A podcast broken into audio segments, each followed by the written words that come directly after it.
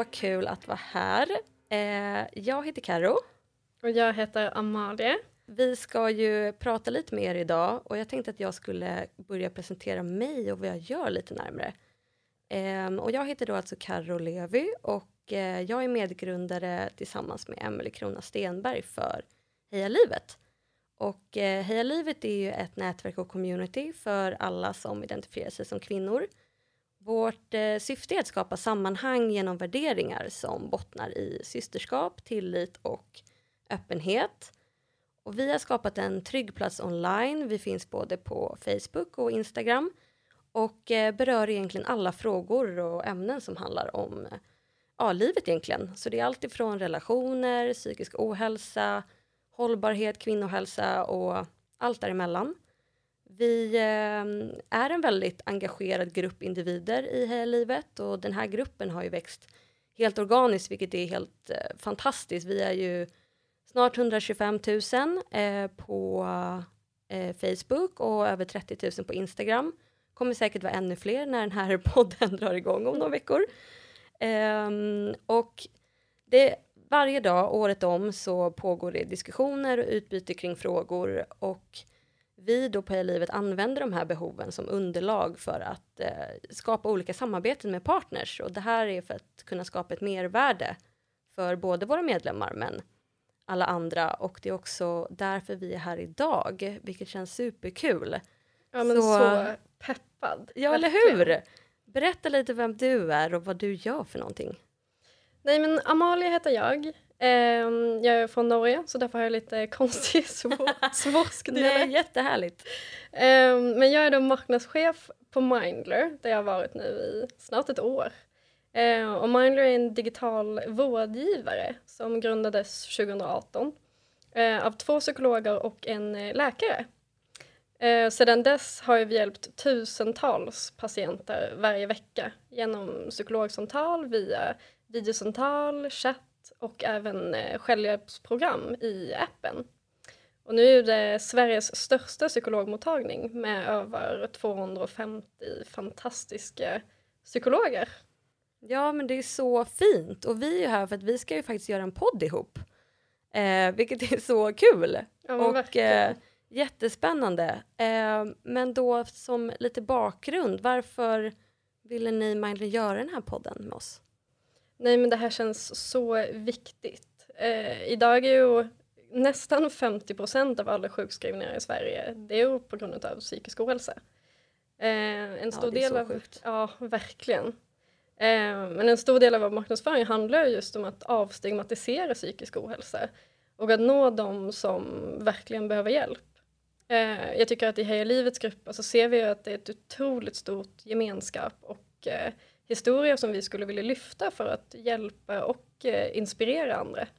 Ja, men det är ju så fint. Det är ju verkligen ett, ett, stort, ett stort ämne, eh, tyvärr kan man ju säga, i, eh, i hela livet. Att man just eh, ja, men ser de här, uh, och liksom hur otroligt utbrett det är med psykisk ohälsa. Och eh, ja, jag själv har ju också erfarenhet Ja men kan inte du eh, berätta det? lite? Det är ju så många som har erfarenhet av psykisk ohälsa. Om det inte är en själv så är det ens kompis eller ens Verkligen. familj.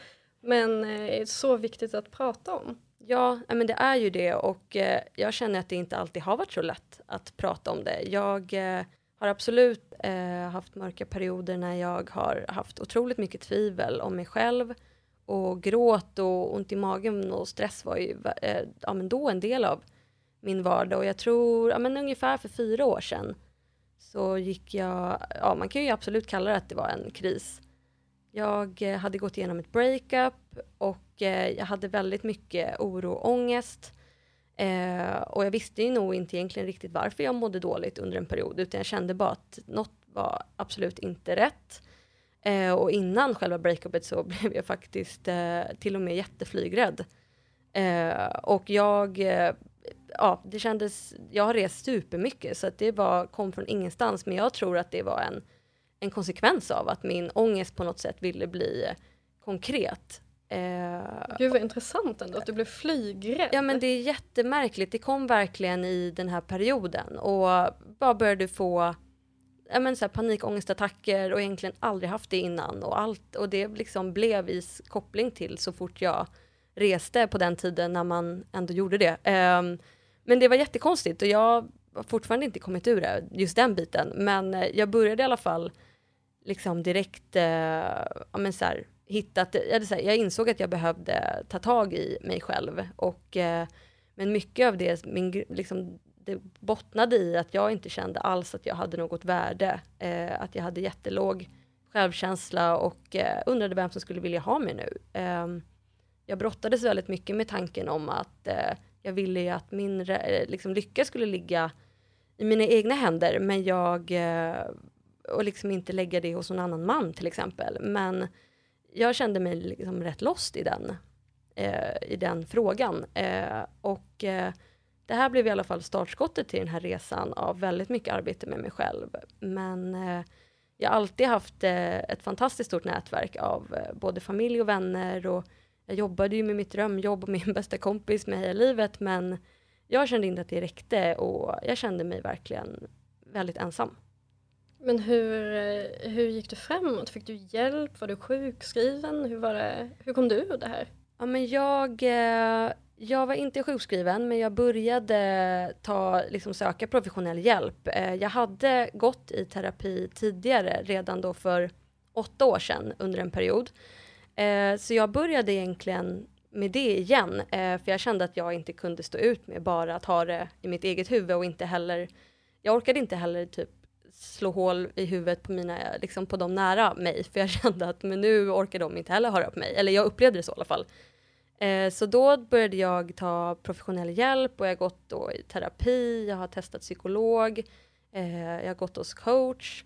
Um, men i den här samma vevan då så började jag också äta antidepressiva läkemedel. Uh, för då kände jag att nu har jag testat allt vad jag kan, jag har testat olika liksom KBT och bara liksom att prata och uh, jag behövde verkligen den här pushen över vattenytan och mitt läkemedel som jag tog uh, höjde min serotoninnivå. Ehm, men det tillsammans med då det här att jag jobbade jättemycket med mina känslor och tankar gjorde att jag till slut kunde hitta mig själv igen.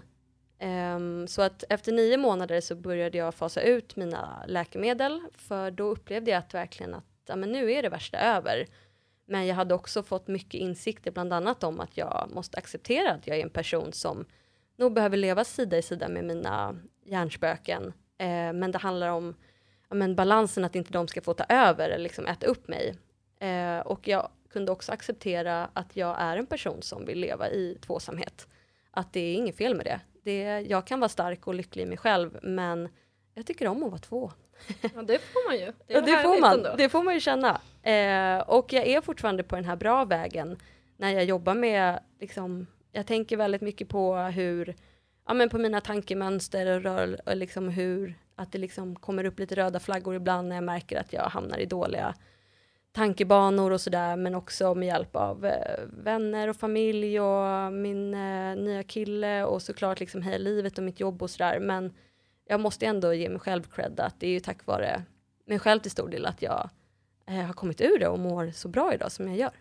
Ja, men det är ju fantastiskt också. Viktigt ändå som du säger att här, även om det inte är någonting som försvinner, det är ju fortfarande en del av dig. Exakt. Men det är ju någonting man klarar att leva med med verktyg som du också har fått genom din resa. Ja men verkligen. Det, det, är ju, det behöver ju inte alltid synas på utsidan att någonting är fel, alltså med de yttre attributen, utan det kan ju det finns ju där inne ändå kanske. Och det är väl det vi också vill lyfta så mycket i, att, eh, i podden. Att det måste inte vara att ja, eh, liksom, världen har eh, gått, gått, gått i tur för, liksom, fysiskt för att man ska må dåligt. Utan det kan vara allt möjligt som triggar ju. Ja men absolut.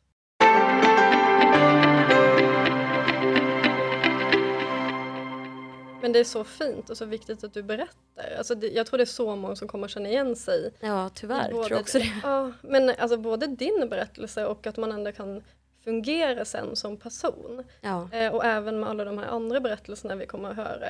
Eh, men ser ni också att det här är någonting som återspeglar sig mycket i, i hela livet?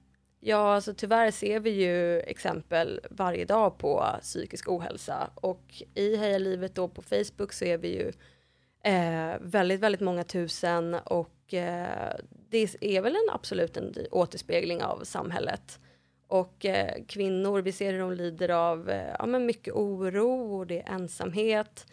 Just det här med låg självkänsla, nedstämdhet och det kan vara allt ifrån yttre, vad man ska säga, anledningar som kanske dåliga relationer, orättvisor i samhället, jobba på fel ställe, avsaknad av vänner och sådär, men också allt det här inre som jag också kände, eh, liksom jag gick igenom det här med egna hjärnspöken och demoner, för utåt sett kanske allt såg helt prima ut, att jag hade väl ingen anledning att må dåligt, men jag behövde liksom kämpa med det som fanns eh, inuti. Och det är ju väldigt mörkt när man då ser hur vanligt det är, men det blir också väldigt ljust i hela livet för att man ser hur den här igenkänningen skapar så stark gemenskap.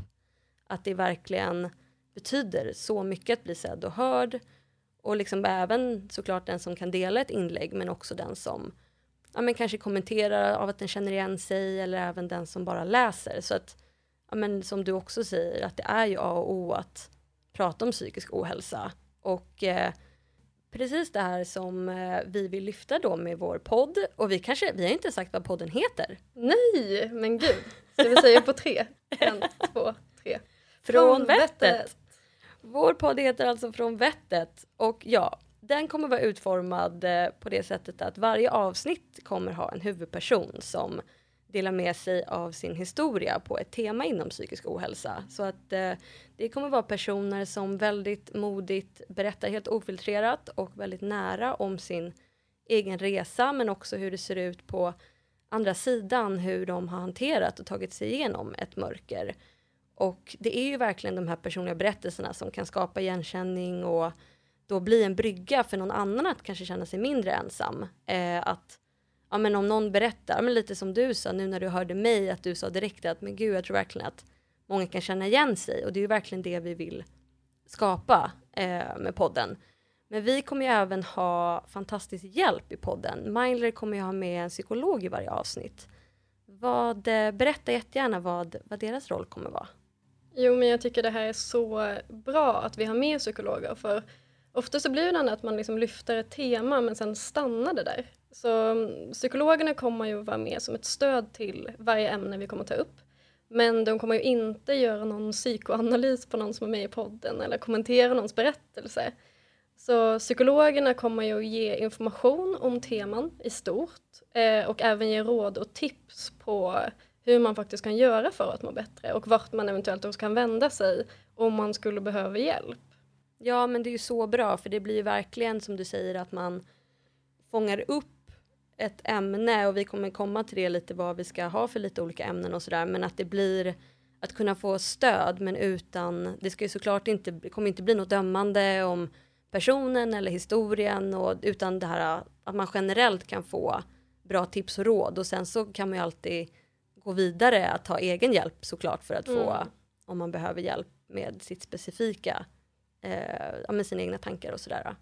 Men det är ju, ja du är ju på Mindler och vet ju hur, hur tyvärr då vanligt det är att man söker hjälp. Men jag kommer ihåg när jag var, ja men då för åtta år sedan första gången när jag sökte hjälp så var jag 26 och då var det verkligen inte många i min ålder som pratade öppet om de här grejerna och att det var först när jag ja, men så här, jag kan ja, men så här, väldigt ofiltrerad och, och prata om sådana här saker. Jag tycker det är viktigt och då först då kom det flera som också hade sökt hjälp eller som verkligen ville ta hjälp. Och jag vet att min eh, min gubbe som jag gick hos, hans telefonnummer spred sig runt bland mina bekanta. För det var väldigt många som då inte, alltså på den tiden inte riktigt visste hur man skulle söka hjälp. Men idag är det ju så himla enkelt och det är ju mer accepterat. Men det är ju, ni ser ju också att det fortfarande är för många en väldigt hög tröskel.